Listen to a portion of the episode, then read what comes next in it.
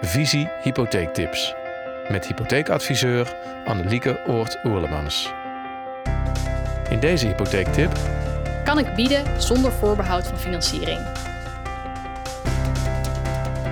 Om die vraag goed te beantwoorden is het eerst belangrijk om stil te staan bij de vraag wat een voorbehoud van financiering eigenlijk is. Als je een koopcontract tekent met voorbehoud van financiering, dan kun je de koop nog kosteloos ontbinden als je financieringsaanvraag wordt afgewezen. Met andere woorden, als je hypotheekaanvraag wordt afgewezen, dan kun je nog zonder boete van het huis af. Dat is dus een belangrijke nooduitgang. Als je geen voorbehoud van financiering opneemt, dan is de koop dus meteen definitief. Als dan je hypotheekaanvraag wordt afgewezen, ook als dat buiten jouw schuld is, dan ben je 10% boete verschuldigd aan de verkoper. 10% van de koopsom is een groot bedrag. Dus het is een aardige smak geld waarmee je risico loopt dat je dat moet betalen als je geen voorbehoud van financiering opneemt. Toch zie je dat af en toe gebeuren. Zeker in de Randstad met een wat overspannen huizenmarkt zie je dat sommige mensen hun voorbehoud van financiering laten vallen om te zorgen dat hun bod interessanter wordt.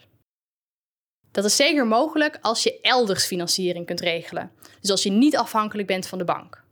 Bijvoorbeeld omdat je heel veel spaargeld hebt of omdat je in geval van nood alles bij familie zou kunnen financieren. Als dat niet zo is, dan loop je dus het risico dat je 10% boete moet betalen als de hypotheekaanvraag toch niet rondkomt.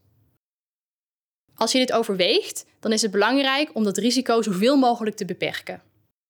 Dat kun je doen door de belangrijkste factoren van de hypotheekaanvraag van tevoren te laten checken. Bespreek je inkomen met je hypotheekadviseur en zorg ervoor dat je daar een beetje ruim zit, dat je ruim kunt lenen wat je nodig hebt. Ten tweede, zorg ervoor dat er geen verrassingen staan in het BKR, het Bureau Kredietregistratie. Dit is de instantie die alle schulden registreert en het is belangrijk om dat vast te checken, zodat je niet voor verrassingen komt te staan. Dat daar alleen maar dingen in staan die je al kent en waarmee rekening is gehouden bij de berekening van je maximale hypotheek.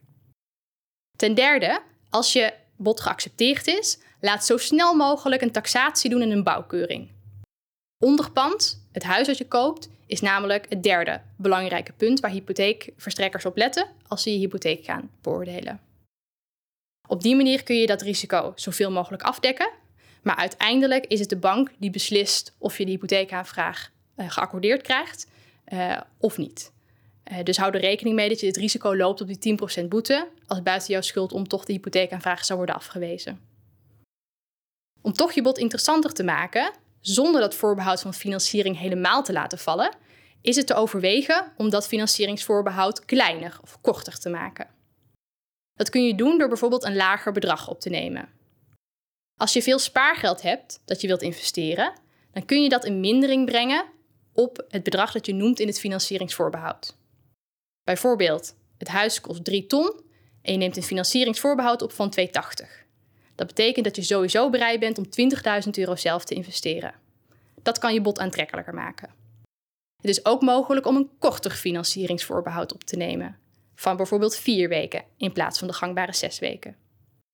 Ook hiervoor is het belangrijk om van tevoren met je adviseur te checken of het in jouw geval mogelijk is om zo'n verlaagd of zo'n verkort financieringsvoorbehoud op te nemen. Op die manier kun je dus wel je bod aantrekkelijker maken zonder dat voorbehoud helemaal te laten vallen en het risico te lopen op die 10% boete. Wil je hier meer over lezen? Kijk dan op onze website visie.nl voor meer informatie over het bieden met of zonder financieringsvoorbehoud.